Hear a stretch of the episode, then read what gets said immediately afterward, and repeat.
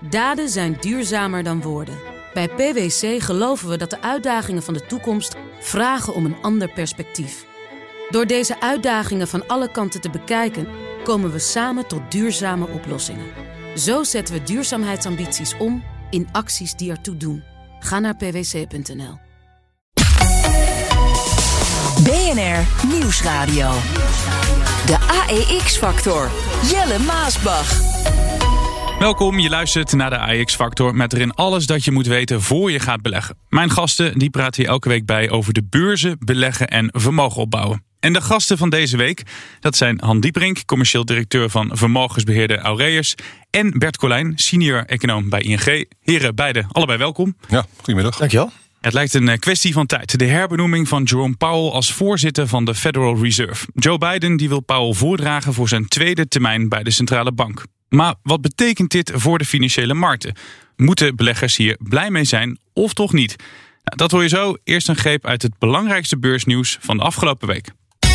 President Biden is nominating Jerome Powell to a second term as chairman of the Federal Reserve. In addition, Biden is also naming Lael Brainerd to serve in the number two position as vice chair. En het is vandaag Black Friday. Zelfs zonder harde lockdown bestellen we meer pakketjes dan ooit. En als die trend zich doorzet, kunnen we het record van 2020 wel eens gaan verbreken. Het gaat dus om online shoppen. We zien dat die eh, variant in Zuid-Afrika ongelooflijk snel is opgerukt. En wetenschappers zijn enorm bezorgd omdat ze denken dat het goed zou kunnen dat die variant veel beter bestand is tegen vaccins, maar ook tegen mensen die al eerder corona hebben gehad. Dus het is heel belangrijk om op tijd zo'n variant echt af te remmen en te voorkomen dat hij het in Nederland ook zo snel overneemt. In a statement, President Biden said, I have full confidence after their trial by fire over the last 20 months that Chair Powell and Dr. Brainerd will provide the strong leadership our country needs. En we beginnen deze uitzending met Intertrust. Het Nederlandse trustkantoor is deze week veranderd in een overnameprooi. En de hoogste bieder, dat blijkt de grootste concurrent, ontdekt het Financiële Dagblad. Het gaat om Apex, een bedrijf uit het belastingparadijs Bermuda. Lang leek er weinig interesse in Intertrust. En toen ineens uh, kwam deze kamer op de kust. Ja, het is wel een bijzonder contrast met de koersontwikkeling op de beurs. Het is eigenlijk naar de beurs gebracht als een soort, uh, ja, voor de bestaande aandeelhouders om cash uh, te genereren. Om in ieder geval de stukken te kunnen verkopen. En lange tijd uh, is het zijwaarts, of was niet zo interesse. Het probleem natuurlijk met Intertrust is ook dat er wat aandacht is van de politiek en vanuit de maatschappij voor trustmaatschappij die niet zo positief is. Dus ja, veel mensen vonden het ook al een beetje op, uh, die keken een beetje van afstand naar het aandeel. En uh, ja, zag ook wat wisselingen in de, in de top. Dat niet helemaal goed uh, gestructureerd liep. En dan als je ziet dat de waardering dan wordt afgeleid, dan komt er wat kritiek van aandeelhouders van uh, ga eens wat doen. Dus op een gegeven moment zie je dus nu een bieding en dat ook nog overboden wordt door andere partijen. Dus die denkt, ja, het huis van de buurman is mij één keer te koop. En ik probeer erbij te zijn. En Apex is inderdaad nu de grootste bieder. Ja, en dat is dan de grootste concurrent. Misschien ook wel een slimme zet. Dat zij nou, huis van de buurman uh, willen kopen? Nou, ze hebben heel veel gekocht, Apex. Ze kopen regelmatig uh, dit soort bedrijven. En dit is dan wel een hele grote overname in de trust. Want het is echt een, een grote trustmaatschappij. En ja, er zit natuurlijk ongetwijfeld schaalvoordelen in. Je ziet toch ook dat het uh, moeilijk is om soms mensen te krijgen, de juiste mensen. En als je dan ja, met grotere schaal hebt, lukt dat. Maar je snapt dus wel dat er interesse is van uh, dit soort kopers. Uh, nou ja, er is veel geld vanuit private equity kant om bedrijven te kopen. En het voordeel van een trustmaatschappij op papier is natuurlijk dat het een heel mooie recurring business is. Dus dat er veel kaststromen zijn die elk jaar weer terugkomen. Je blijft op dat vermogen zitten. En uh, dat betekent dus dat private equity dat ook zou kunnen financieren. Uh, ja, ik weet alleen niet hoe de, de fiscale en politieke toekomst is van dat soort trustkantoren. Er is veel kritiek en dat lijkt me toch een risico. En dan zie je natuurlijk ook dat het misschien wat kleiner wordt dan in de toekomst. En misschien is het dan ook wel handig om ja, dus het samen te voegen met andere onderdelen of andere bedrijven. Ja. Ja, uh, die trustkantoren die staan in een kwaad daglicht vanwege die Panama Papers, uh, bed. Uh, vind jij dat terecht, dat, dat er kritischer naar dit soort bedrijven wordt gekeken? Ja, het is wel heel erg een trend inderdaad. Hè. We zien natuurlijk dat er überhaupt veel gekeken wordt naar belastingparadijzen. De wereldwijd worden er natuurlijk uh, afspraken gemaakt momenteel over, over bedrijfsbelastingen. om dat meer gelijk te trekken. dus wat dat betreft ja, is de, de tijdsgeest is wel een beetje, een beetje tegen. Ja, en dan, Han, zou ik zeggen... waarom moet je er dan in godsnaam in willen investeren? Nou ja, dus gewoon, je kijkt gewoon naar, is gewoon een rendementsberekening. Je kijkt gewoon wat voor. Uh, dus nog steeds lekker verdienen, ondanks uh, alle kritiek. Nou ja, laat ik eerlijk zeggen, het is natuurlijk gewoon een, een, normale activiteit. In de zin van dat het niet allemaal illegaal is. Het is, wat natuurlijk, ja. uh, het is gewoon belastingontwijking. En het is naar de letter van de wet mag het. Alleen ja, we vinden gewoon dat dingen, bepaalde dingen niet meer kunnen. Hoewel het volgens de letter van de wet wel mag. Ja, dat is natuurlijk een beetje een grijs gebied. Want wanneer, dus je ziet natuurlijk veel fiscalisten die dan natuurlijk het randje opzoeken. Waarover net soms overheen gaan. Maar het is niet zozeer dat het allemaal verboden is in dat, dat opzicht. Um, ja, ik, ik denk meer dat is het nou een hele grote groeimarkt? Dat is de grote vraag. Je ziet natuurlijk wel dat eh, vermogensbeheer of mensen met welvaart, dat het een duidelijke groeimarkt is. En dat er ook wel vraag is om structurering. Maar ik denk toch dat er inderdaad in internationaal verband meerdere afspraken gemaakt worden. Ja, qua belastingparadijs, dat dit soort routes minder makkelijk worden of minder makkelijk mogelijk worden gemaakt. Uh, dat gaat er wel veranderen, denk ik. En ja. kijk, Nederland was ook een belastingparadijs, maar we hebben nu het vertrek van de Royal Dutch Shell blijkbaar zijn we toch niet zo'n belastingparadijs als uh, iedereen dacht. Want uh, anders gaan ze wel, ze wel naar Nederland toekomen. Dus, Nee, maar ik kan me ook voorstellen, we hebben het steeds meer over duurzaam beleggen, ethisch beleggen. Nou ja, als het ethisch beleggen hebt, dan denk je misschien niet gelijk aan een, een bedrijf dat geld wegsluist naar een belastingparadijs. Um, ja, kijk, iedereen heeft het over geld wegsluizen. Maar het is vaak ook ter voorkoming van het betalen van dubbele belastingen. Dus heel de Nederlandse belastingwetgeving is gewoon gemaakt dat als je in het buitenland betaald hebt, dat je niet nog een keer in Nederland hoeft te betalen. Dus dat lijkt me toch niet een heel, heel mooi werk. Sorry? Ze doen heel mooi werk, zeg je. nou ja, ik bedoel, voor bedrijven, als je als ondernemer kijkt van hoe vaak je dan belasting wel betaalt en op een gegeven moment hoe weinig je eraan overhoudt, ja, dat is ook wel een punt. Op een gegeven moment, als je de dubbele belasting probeert te voorkomen, denk ik dat het goed is. De hele deelnemingsvrijstelling in Nederland, dat heeft uh, voor de ondernemingen in Nederland en voor de multinationals is dat geen, uh, geen slechte regeling. Ja, uh, als Intertrust wordt verkocht, verdwijnt weer een bedrijf van de Amsterdamse beurs. Ja, maar we hebben er ook dit jaar heel wat bijgekregen. Dus, dus het is, maakt het per saldo niet zoveel uit. Als nee, ik nee, de belangstelling was ook niet zo heel groot. Want het is toch een beetje vreemde eend in de bijt. In welke sector moet je het echt plaatsen? Het was een beetje een unieke, unieke belegging. Ja, nou, ik zie Bert ook niet heel rauwig uh, erom uh, kijken. Dus, uh. ik weet geen idee hoe ik aan het kijken was, Jelle. De AEX-factor. Jelle Maasbach.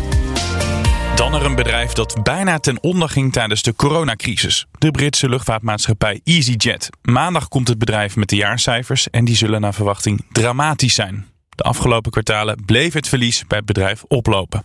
Collega Hoeks die stortte zich deze week op die cijfers. Ja, uh, Guy, zien we het versoepelen van de wereldwijde coronabeperkingen, zoals Freedom's Day in eigen land, niet terug in die cijfers, denk jij? Dat zien we waarschijnlijk niet terug in de cijfers. Want inderdaad, in het Verenigd Koninkrijk gaat de wereld, is de wereld weer open. Maar natuurlijk is EasyJet een bedrijf van de wereld. Er vliegt de hele wereld over naar het buitenland. En juist in het buitenland zien we dat die coronabeperkingen intact zijn gebleven. Of misschien wel weer aangescherpt te worden. Dus daar gaat EasyJet waarschijnlijk niet van profiteren.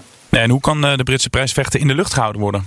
Nou, het bedrijf heeft uh, onlangs aangekondigd dit jaar maar liefst 4500 banen van de 14.000 te schrappen. En de vloot is ook ingekrompen met 10 procent. Um, en daardoor is in totaal 500 miljoen pond bespaard. Uh, nou, dat is natuurlijk een hoop geld. Uh, moet wel gezegd worden dat, dat die vloot dus volgend jaar wel weer uitgebreid kan worden. Als, uh, nou ja, mocht de wereld dus weer open gaan. Ja, kan uitgebreid worden, maar ze hebben dus wel een, een jasje uitgedaan. En zeggen deze cijfers ook iets over die andere luchtvaartmaatschappijen? Ja, uh, zeker. Je kunt bij de Britse prijs vechten. Deze hè, EasyJet kun je natuurlijk al een beetje voorspellen wat dus ook de cijfers zullen zijn van die andere bedrijven. Nou, Ryanair heeft bijvoorbeeld wel een uh, winstje geboekt uh, het, het, vorige kwartaal. maar toen ging de wereld dus inderdaad dus wel weer open. Maar bijvoorbeeld Air France, KLM en het Duitse Lufthansa komen ook nog met cijfers. Ja, en dat, dat, hè, dat ziet er ook niet heel goed uit voor die bedrijven. Dankjewel redacteur Guy Hoeks. De AEX-factor. Jelle Maasbach. Uh, te geïnvesteerde Proces heeft flink meer verdiend in het afgelopen half jaar. Het bedrijf houdt de groeispurt van corona vast. Maar dat is niet te zien aan de beurskoers, want die wordt naar beneden getrokken door hun belang in het Chinese Tencent. Ik vind dit altijd, uh, Han, een uh, fascinerend bedrijf vanwege hun uh, grote belang in Tencent. Ze zijn best wel gestoeld op één uh, Chinese investering. Hoe vond jij die cijfers van ze? Cijfers waren goed. Dus als je kijkt naar de omzetontwikkeling uh, bij de verschillende onderdelen, waren die spectaculair. Dus 40, 50 procent en zelfs bij die, bij die verticals zelfs 100 procent omzetstijging. Dus zoals het hoort bij een internet cloud bedrijf, zeg maar. Dat, dat was gaan. De cijfers was niks op aan te merken. Dat was het probleem niet. Ze hebben een paar procent verkocht van Tencent en daar hebben ze wat dingen voor teruggekocht. En ook die investeringen lijken eigenlijk wel heel goed. Dus in richting met name op, zoals je Nederland bijvoorbeeld Funda hebt, wat een vertical is dan op de huizenmarkt. Kijken ze internationaal, bijvoorbeeld ook in India en andere landen, waar dat soort verticals uh, te koop zijn. En ja, die renderen heel goed. Dus dat zijn denk ik dingen die echt wel in een, een niche zijn. Grote vraag bij uh, Proces is natuurlijk wel, ja, zijn ze heel goed in het aanschaffen van dat soort bedrijven op lange termijn? Ehm, je hebt daar verschillen in. Hè? Dus uh, het lijkt natuurlijk op dat Tencent een beetje een lucky shot was. Hè? Ooit 25 miljoen en nu een miljardenbedrijf. Ja, de beste investering ooit, heb ik wel eens gelezen. Ja, het is een hele mooie investering. Maar ja, kunnen ze dat nog een keer herhalen? En je hebt natuurlijk wel voorbeelden van uh, conglomeraten of soort investeringsportefeuilles die dat heel goed kunnen. Maar je hebt ook voorbeelden dat bedrijven dat helemaal niet kunnen. Dus aandeelhouders zijn af en toe wel kritisch van keer dan maar de cash uit. En zorg maar dat je de discount ten opzichte van Tencent uh, verkleint. En daar zijn ze ook wel mee bezig hoor. Het is niet zo dat ze dat niet proberen. Ja. Ik zei het net al aan het begin van het gesprek, Bert. Proces leunt heel erg op dat Tencent, het Chinese bedrijf. Ze zijn heel erg afhankelijk van de Chinese overheid. Hoe kijk jij daarna als, als econoom? Dat is natuurlijk best wel een risico dat je afhankelijk bent van een buitenlandse overheid. Dan is het ook nog eens een keer de Chinese overheid. Ja, en of dat, of dat echt uitmaakt, of, of het dan de Chinees is, dat is natuurlijk ook weer een beetje, beetje de vraag. We hebben natuurlijk zeker gezien dat dat soort bedrijven uh, in de afgelopen periode, dat daar uh, toch inderdaad wel wat meer twijfels over zijn, uh, zijn gekomen. Dat China niet meer soort van ja, alleen maar kijkt van het is geweldig, die, die bedrijven die willen we laten groeien. daar worden wat meer ja, comma's bij, bij gesteld in, in China. Dus ik kan, wat dat betreft kan ik me voorstellen dat daar inderdaad wat, wat meer met twijfel naar, naar gekeken wordt. Um, ja, over het algemeen uh, is China toch echt een, land met een interessante ontwikkeling op uh, politiek-economisch gebied uh, momenteel. En dat, dat, ja, ik kan me voorstellen dat je dat mee blijft wegen. En terug, Han, naar Proces voor de komende tijd. Um, het is nog steeds een een risicovol aandeel om in te zitten? Of, of geloof jij het wel? Nee, ik geloof het wel. Ik denk ook dat Tencent uh, helemaal niet zo slecht uh, bedrijf is. Ik bedoel, wat de Chinezen doen is natuurlijk... Uh, kijk, ze hebben natuurlijk jarenlang een heel erg Aziatisch exportgeleid groeimodel gehad. En dat hadden ze ook nodig, een hoge groei. Omdat elk jaar zo'n 15 miljoen mensen bijkwamen van het platteland naar de stad. in ieder geval die, ja, de beroepsbevolking groeide. En nu zie je een krimpende beroepsbevolking. Alleen die beroepsbevolking, die, uh, die mensen die in China wonen, zeggen: ja, het is mooi dat ik nu geld verdien, maar nu wil ik ook nog een huis kopen en ik wil ook een goed, goed onderwijs. En de gezorg mag ook wel een stukje goedkoper. Uh, en dat probeert uh, China nu te, te, realiseren, zeg maar, die consument wat beter te koesteren. En er zijn een aantal maatregelen voor nodig. En specifiek bij uh, Tencent zie je nog dat natuurlijk gaming is een hele belangrijke ja. activiteit. En ja, Xi Jinping vindt toch dat gamen dat is toch maar niks. Dat is nog maar een nutteloos tijdsbedrijf. En dat zie je af en toe hier ook wel. Je hebt ook allemaal die waarschuwing dat beneden de 18 jaar je niet op een bepaald spelletje mag spelen. Dus dat uh, is niet zo heel anders. En als je echt kijkt naar de maatregelen die ze dan pakken, het gaat om maar 5% van de, de, gamers die ze dan echt raken. Maar ik denk dat uh, ja, Tencent wel ondergewaardeerd is naar de maatregelen hier geweest. Want je hebt bijvoorbeeld een maatregel gezien als dat de reviews, hè, dat je negatieve reviews mag je dan niet meer verwijderen in China. En je mag ook niet uh, fake reviews plaatsen. Ja, als dat inderdaad gebeurt, dan denk ik dat voor het internetverkeer of voor internet shoppen dat alleen maar goed is. Dus ook voor Tencent, ja, als je geen fake reviews meer hebt, dan kun je beter vertrouwen wat je via het internet koopt. Op basis daarvan gingen de koersen van dit soort bedrijven met 3, 4 procent eh, omlaag. Het lijkt me overdreven. Ik vind het nog steeds wel grappig. Een overheid die de eigen bevolking zo controleert en er zo achteraan zit, maar zich dan wel druk maakt om fake reviews. Maar dat is. Ja, maar de overheid ziet. Ja, maar die werpt zich op als hoeder van die bevolking. Hè? Dus die ja. denkt in het communistische heilstaat moeten we zorgen voor de hele bevolking. Ze willen ook een meer eerlijke inkomensverdeling. Ze hebben zeg, nu gezegd dat ze een inkomensverdeling hebben die de vorm heeft van een olijf. Dus een klein beetje mensen aan de hm. lage inkomens zijn er maar weinig van. En met de hoge inkomens zijn er maar weinig, weinig van. Maar een heel groot middenstuk. Wat uh, dus een heel grote. Ja, voor beleggers is dat ideaal. Want als je die grote uh, dat deel van de bevolking, dat koopt allemaal een ijskast en een auto en allemaal dat soort zaken. Dus dat zijn dingen die waar, waar je als beleggers, uh, waar beleggers geld aan verdienen. Ja, dan van uh, Xi Jinping naar een heel ander persoon, de machtigste man van de financiële sector, Jerome Powell. We hadden het begin van deze uitzending al over hem. Hij werd aangesteld door de vorige president, Trump, en krijgt van de huidige Biden een herbenoeming. Paul is baas van een onafhankelijke instantie, maar wel een waar flinke kritiek op kwam. I think the Fed is out of control. I think what they're doing is wrong. Ja, en hij moest ook nog eens omgaan met een uh, twitterende president.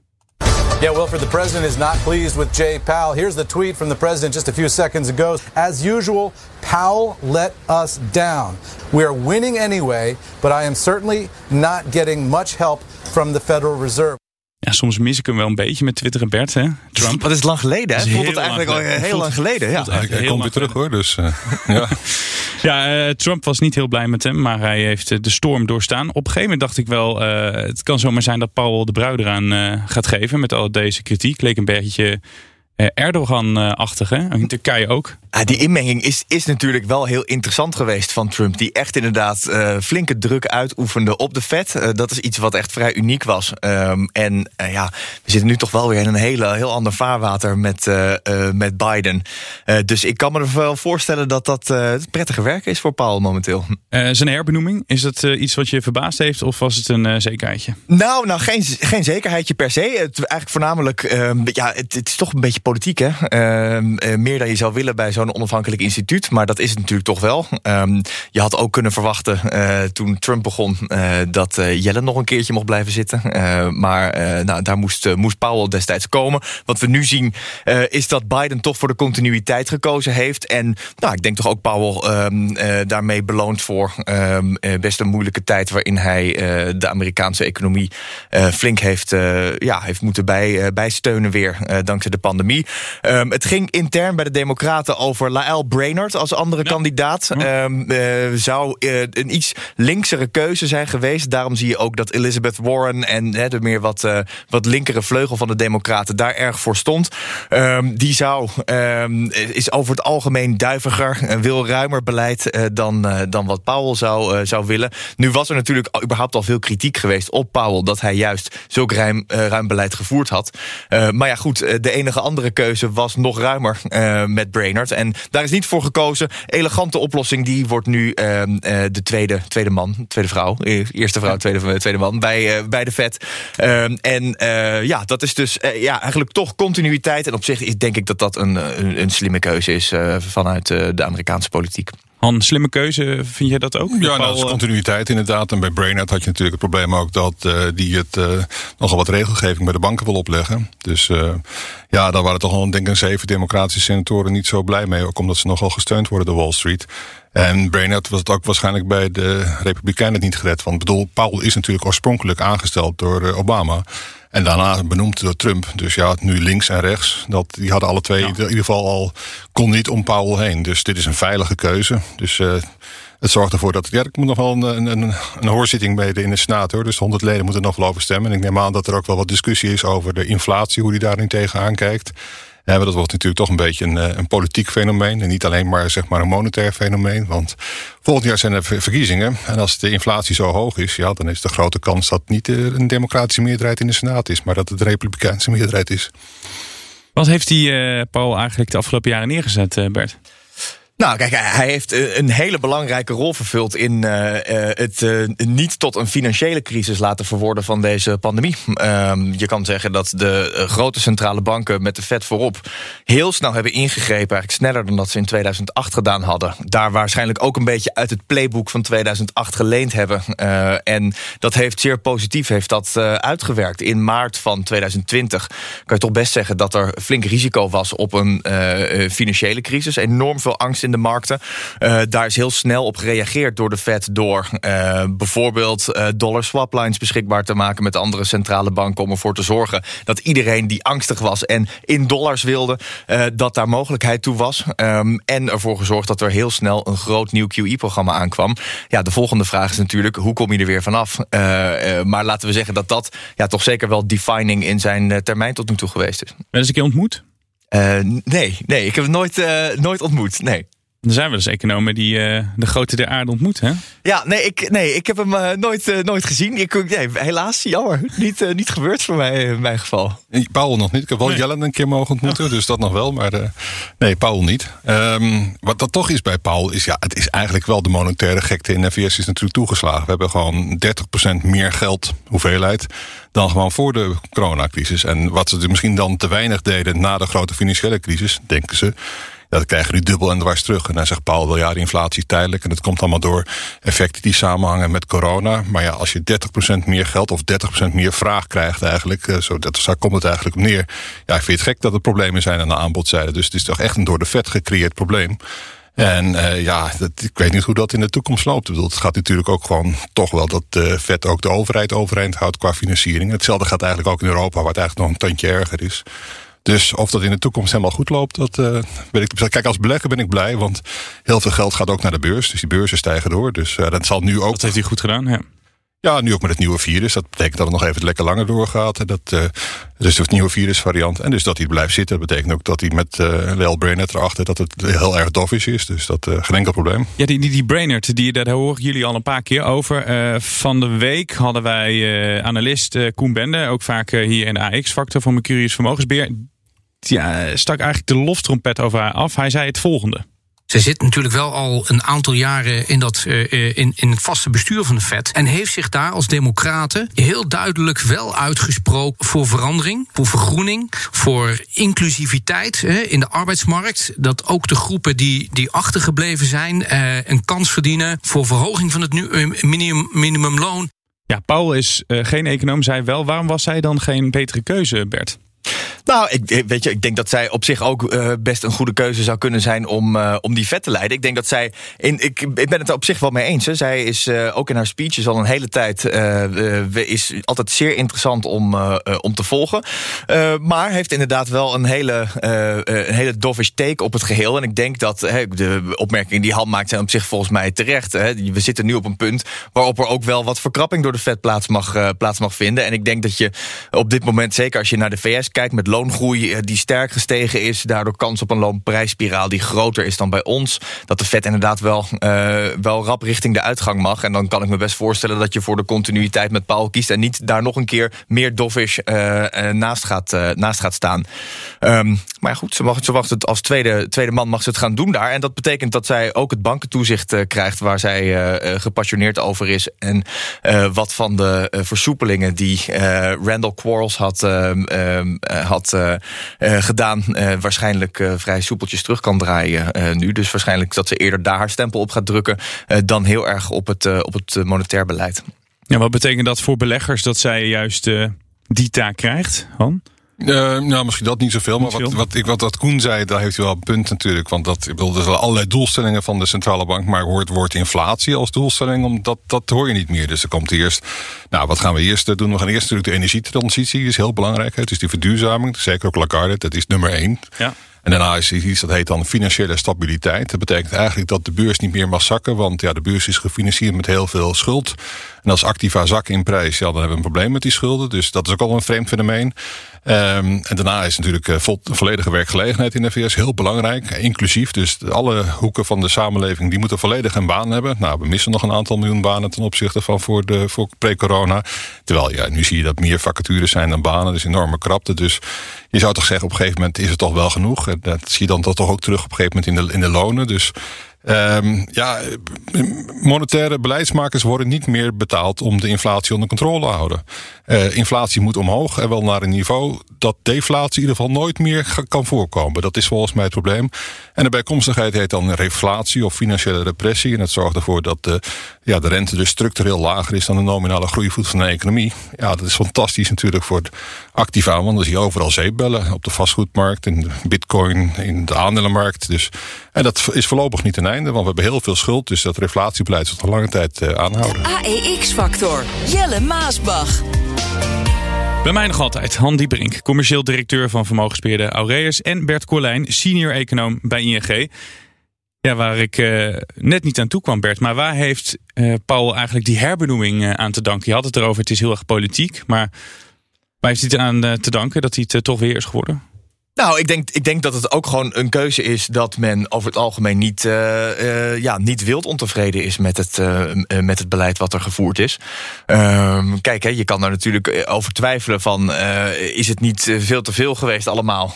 en, maar ik denk dat het punt is dat je zegt van nou oké, hij heeft het, het begin hiervan gedaan van die pandemie. Laat het het nu ook maar afmaken de andere kant op. en hem maar laten zien hoe ehm, goed hij die inflatie weer verder terug naar beneden kan, kan begeleiden begeleiden in de VS. En dat is denk ik een beetje uh, wat ervan gezegd wordt. Het is, het is continuïteit, zou ik zeggen. Want als die pandemie er niet was geweest, dan was het misschien nog veel duidelijker geweest dat die herbenoemd werd?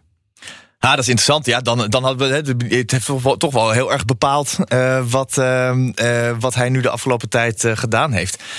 ik, ja, ik denk het, ik denk het eigenlijk, eigenlijk wel. Ik zie niet per se waarom je nou Paul echt aan de kant had, had moeten zetten voordat hij aan die tweede termijn zou, zou moeten beginnen. Ja. Han, ik noemde hem de belangrijkste man in de financiële sector ter wereld. Misschien heb ik hem veel te veel credits gegeven. Nou, ik denk wel dat je gelijk hebt hoor. Dus nee, als je kijkt natuurlijk naar de beurs, dat de, de rente is een belangrijk bepalende factor op dit moment.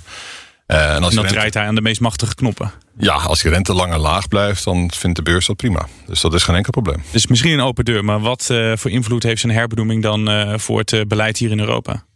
Uh, nou, op zich niet zoveel. Je kunt natuurlijk altijd een discussie hebben hoe politiek wordt natuurlijk de centrale bank. Ik bedoel, in Europa hebben we een politica zeg maar, aan het hoofd van de centrale bank gezet. Geen centrale bankier. Dat is toch wel een, een teken aan de wand.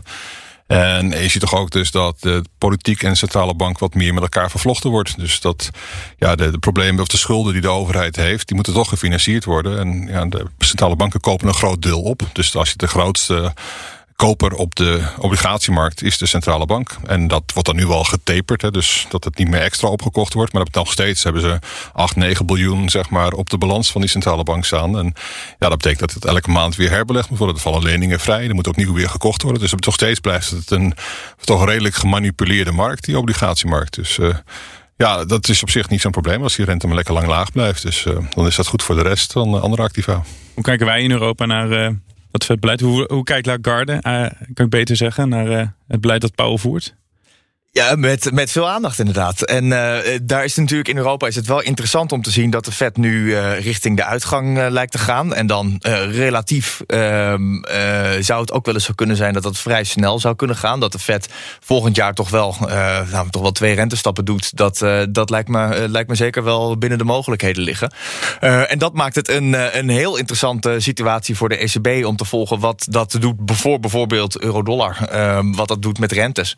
Um, en uh, wat voor spillover-effecten dat dus ook uh, dus, dus voor ons heeft, is uh, voornamelijk wat, wat daar relevant voor is. Ja, en wat betekent dat dan voor mij als belegger, wou ik zeggen, maar wat betekent dan voor de belegger die aan het luisteren is? Nou ja, als die inderdaad die dollar van de, die sterker wordt, ja. omdat de Amerika wat verder gaat verkrappen of de rente gaat verhogen. Ik, ik denk ook wel dat Powell op een gegeven moment toch een excuus als nu die virusvariant of dat de economie wat de groei wat afkomt, dat ook snel zegt van nou, we, we gaan het toch maar doorschuiven naar 2023. Maar stel dat die dollar wat sterker wordt, ja, dan is dat in principe goed ook voor Amerikaanse aandelen. En niet goed voor bijvoorbeeld aandelen in emerging markets, die dan altijd een beetje last hebben als die dollar wat is. Dan zie je toch dat de liquiditeit daar wat verkrapt. Dus dat.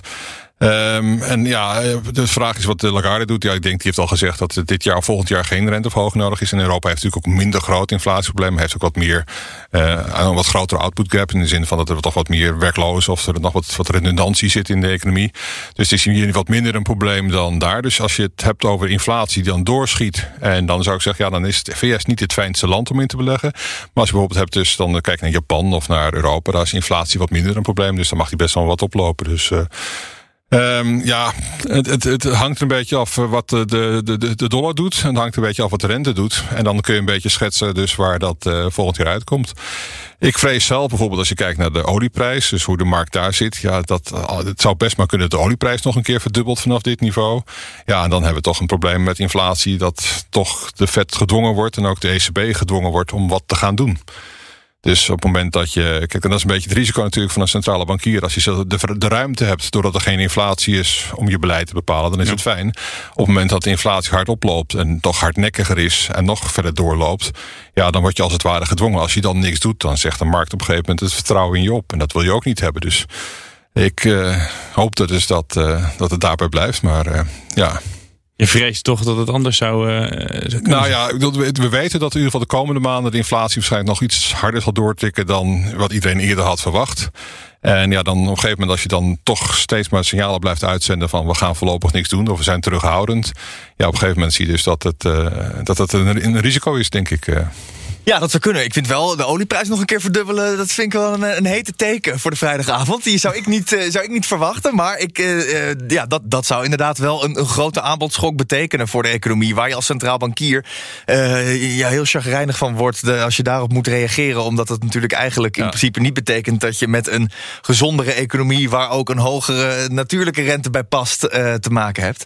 Ehm, dus ja, ik. Het mooie van een centrale bankier is dat ze wel geld kunnen bijdrukken, maar geen olie. Dus dat wordt echt een probleem. En volgend jaar is er gewoon echt wat minder geproduceerd dan geconsumeerd. Hè. We zitten nu op 100 miljoen vaten per dag. We teren nu al per dag 2 miljoen vaten in op de voorraden. De economie is nog niet eens open. Nou, afgezien nog van die nieuwe variant, maar die economie gaat waarschijnlijk volgend jaar toch wel open.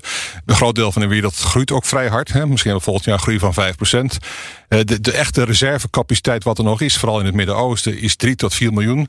Uh, het uh, OPEC Plus wordt steeds machtiger, want het marktaandeel van OPEC stijgt. Elke keer als het marktaandeel van OPEC stijgt in het verleden, ja, dan, dan, dan steeg de olieprijs ook.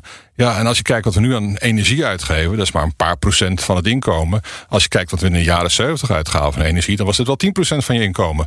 Dus de pijngrens is nog lang niet bereikt. Dus ja, op 180 dollar zit je ongeveer, op 160 dollar zit je ongeveer op een procent of 4, 5 van je inkomen. Dus het kan allemaal nog omhoog hoor. Er zijn nu een paar mensen in de auto uh, met tranen, denk ik. Het is, wel goed, het, het is wel goed voor de energietransitie natuurlijk. Want al die alternatieven worden steeds heel rendabel. Ja, maar in de praktijk, wat als die prijs van olie zo hard stijgt? Nou, het vervelende wat, met wat kan de Fed en wat kan de ECB dan doen? Jij zegt ze kunnen geen olie uh, bijdrukken? Nee, ze moeten de economie dan remmen. Ze moeten de vraag dan gaan remmen. Maar het, mensen denken ja, dat inflatie onder controle houden, dat is appeltje eitje. Dat kunnen ze wel. Dat ze zeggen altijd deflatie is veel moeilijker dan inflatie. Maar om inflatie de kop in te drukken, moet je toch vrij vervelende maatregelen nemen. Moet je de economische groei remmen. Moet je zorgen dat mensen werkloos worden. Moet je misschien een recessie gaan veroorzaken. Ja, dat zijn geen fijne maatregelen. En niet de maatregelen, denk ik, waar Powell of Lagarde ik denk op dit moment bereid zijn om die te nemen. Dat, er moet er echt wel wat meer gebeuren. Dus, ja, dat is zeker waar. Nee, het, is, het is ook best moeilijk om gewoon die inflatie inderdaad eh, te, te beteugelen. En, hè, want de truc is inderdaad om dat te doen zonder dat je een recessie veroorzaakt. En uh, dat is in de praktijk is dat uh, ontzettend ja, lastig. Dat is ontzettend ja. lastig. Ja, dus je moet heel erg goed die timing moet je ontzettend goed hebben.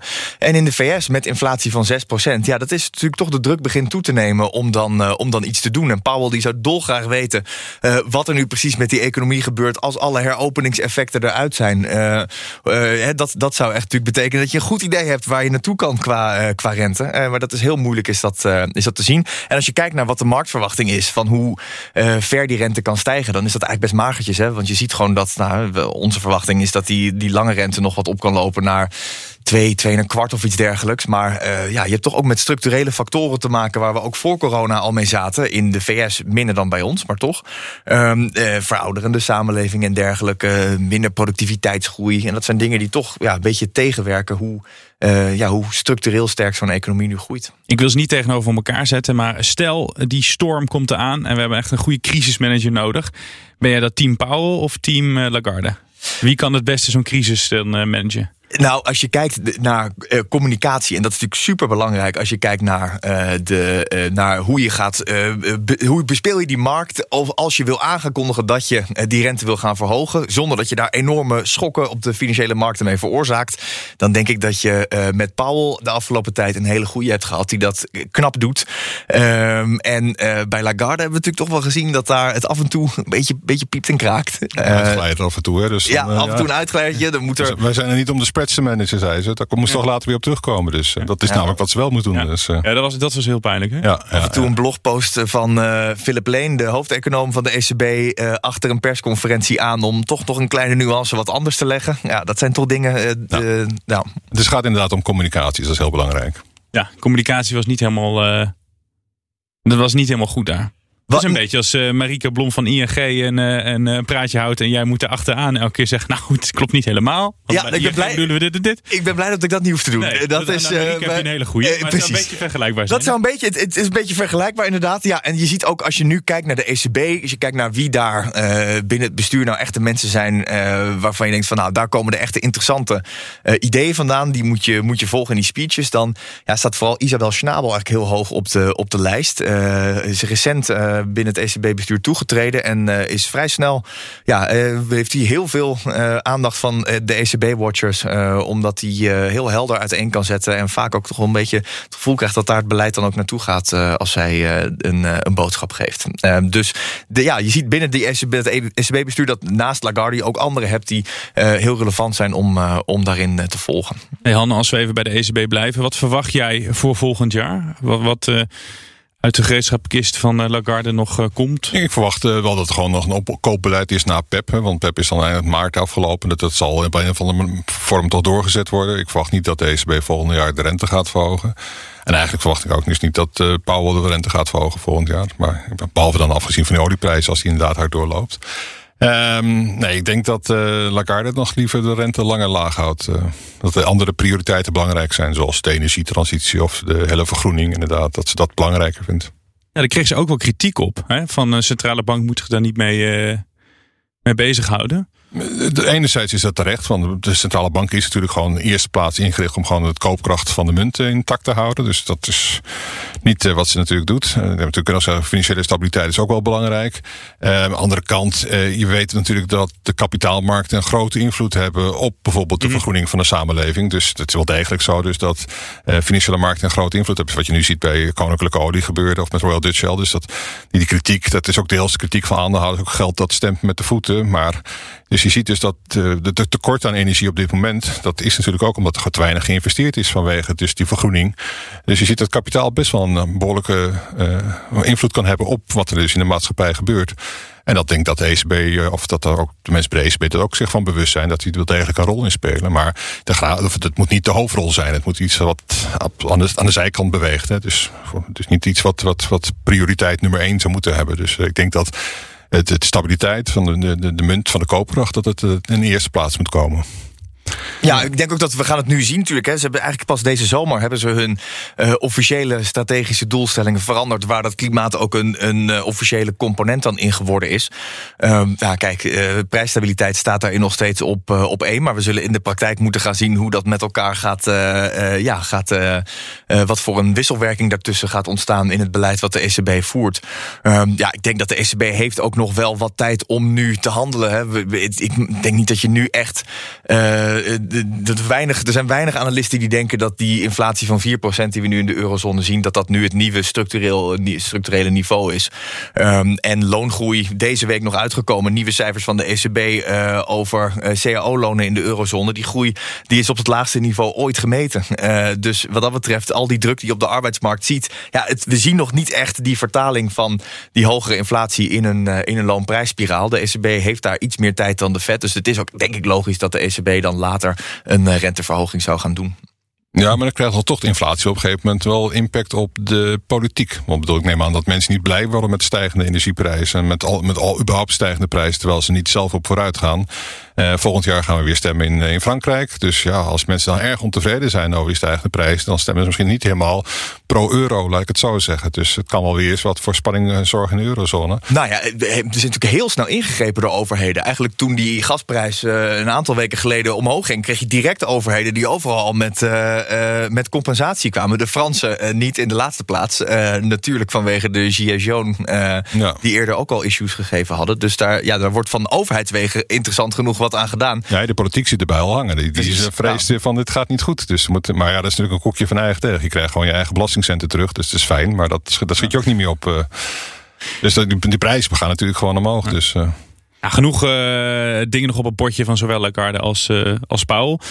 tot slot, ik hoorde jou eerder al zeggen, Han, die zeebellen hè, die jij zag. Ja. hoe zie jij die en, en zie je die de komende tijd toenemen? Nou, gek genoeg als je kijkt naar de, bijvoorbeeld de aandelenmarkt... en je kijkt bijvoorbeeld naar de risicopremie op de aandelenmarkt... ten opzichte dus van de lage rente... dan is hij eigenlijk best wel hoog. Of eigenlijk hoog. Die is deze eeuw eigenlijk nog niet zo hoog geweest. Misschien af en toe nog een dipje in 2008, 2009. Dus aandelen zijn eerder goedkoop dan duur. Als je bijvoorbeeld kijkt in 2000, de dotcom-bubbel... toen uh, was sprake van een negatieve risicopremie. Maar mind you, toen was de 10 rente in de VS ook 6% Ja, dat, uh, op het moment dat je een bubbel hebt, dus een negatieve risicopremie... heb je een echte bubbel te pakken. Maar je kan toch... Het kunt natuurlijk altijd pas achteraf zeggen. Maar als je kijkt naar de huizenmarkt of je kijkt naar de prijs van Japanse whiskies of je kijkt naar de prijs van tweedehands auto's of allerlei andere verzamelobjecten. Ja, er is gewoon wel erg veel geld wat op zoek is naar uh, de greater full type of uh, assets. Dus zeg maar dingen die uh, op termijn meer waard worden. Ik denk ook niet dat bitcoin helemaal losgezien kan worden van... Als je kijkt naar wat de VS, de Amerikaanse consument is, is in één jaar 20% rijker geworden. Dus dan betekent dat 20% dat is meer hebben ze aan assets erbij gekregen in waarde dan wat het BBP groot is. Als ze volgend jaar maar een kwart daarvan gaan spenderen, ja, dan hebben we alleen daar al wereldwijd een groei van 5, 6 procent. Alleen als zij dat al doen. Dus ja, dit is natuurlijk een uh, vraag of het dat in de eeuwigheid vol te houden is. Dat is toch wel een risico. Hey, en wat doet de... prijs van een Japanse whisky nu? Uh, nou, die Japanse whiskies die gaan echt voor, voor 5.000 of 10.000 of 15.000 gaan die over de, over de... Ik heb het ooit een keer als cadeautje ingekregen. Dus misschien moet ik even kijken wat die... Uh... Wat die waard is. Ja, ja. het is uh, vrij hard gegaan. Ja. Lekker, ja. nou, misschien was voor de volgende keer om mee te nemen. Maar uh, zonder gekkigheid, Bert, is dat ook iets uh, waar jij je druk op maakt? Nou, kijk, het, is natuurlijk. Wat Han al zegt, het is ontzettend moeilijk om daar een, een, goede uh, timing aan te geven. wanneer je precies dan een correctie zou kunnen verwachten. Um, en, en of iets inderdaad een bubbel is, blijft natuurlijk altijd uh, iets wat je door de historie heen ziet. dat er altijd over gediscussieerd wordt. Wat je natuurlijk wel ziet, is dat de afgelopen tijd hebben we een combinatie gezien van het, het uh, extreem ruime monetair beleid. maar met name de corona-effecten die die enorme opsturende waarde voor assets gegeven hebben. Dus het feit dat mensen thuis zaten en hun geld niet aan vakantie uit konden geven. En zeker in de VS uh, inkomenssteun gekregen hebben die heel substantieel was. Je ziet dat dat echt uh, de combinatie is geweest die, uh, die wel voor vuurwerk gezorgd heeft op ja, een hoop En de aandelenmarkt en de huizenmarkt. Aandelenmarkt, huizenmarkt, ja, allemaal. Je ziet dat het, hè, er wordt heel veel wordt er natuurlijk naar lokale redenen gezocht voor die issues. Maar ook als je naar die huizenmarkt kijkt, die is gewoon van Nieuw-Zeeland tot aan de VS is die, is die veel harder gestegen tijdens corona dan de periode daarvoor nog. Dus ja, dat zijn effecten die zijn, ehm, ja, die zijn wel goed om in de gaten te houden. Maar ja, om echt te zeggen wanneer dat nou precies een, een probleem is of wanneer je daar een correctie op kan verwachten, dat, uh, dat blijft gewoon ontzettend moeilijk. Blijft moeilijk, maar goed, als die uh, barst, die, die zeebal, dan uh, vraag ik jullie weer terug in de uitzending. Dank voor nu. We zijn dan helaas pas. aan het eind. ja, en ik hoop daarvoor ook wel een okay. keer, Han. Jorde Han Diepering, commercieel directeur van vermogensbeheerder Aureus. En Bert Corlijn, senior econoom bij ING. Dank Zonde. voor het luisteren en tot volgende week. Daden zijn duurzamer dan woorden. Bij PwC geloven we dat de uitdagingen van de toekomst vragen om een ander perspectief. Door deze uitdagingen van alle kanten te bekijken, komen we samen tot duurzame oplossingen. Zo zetten we duurzaamheidsambities om in acties die ertoe doen. Ga naar pwc.nl.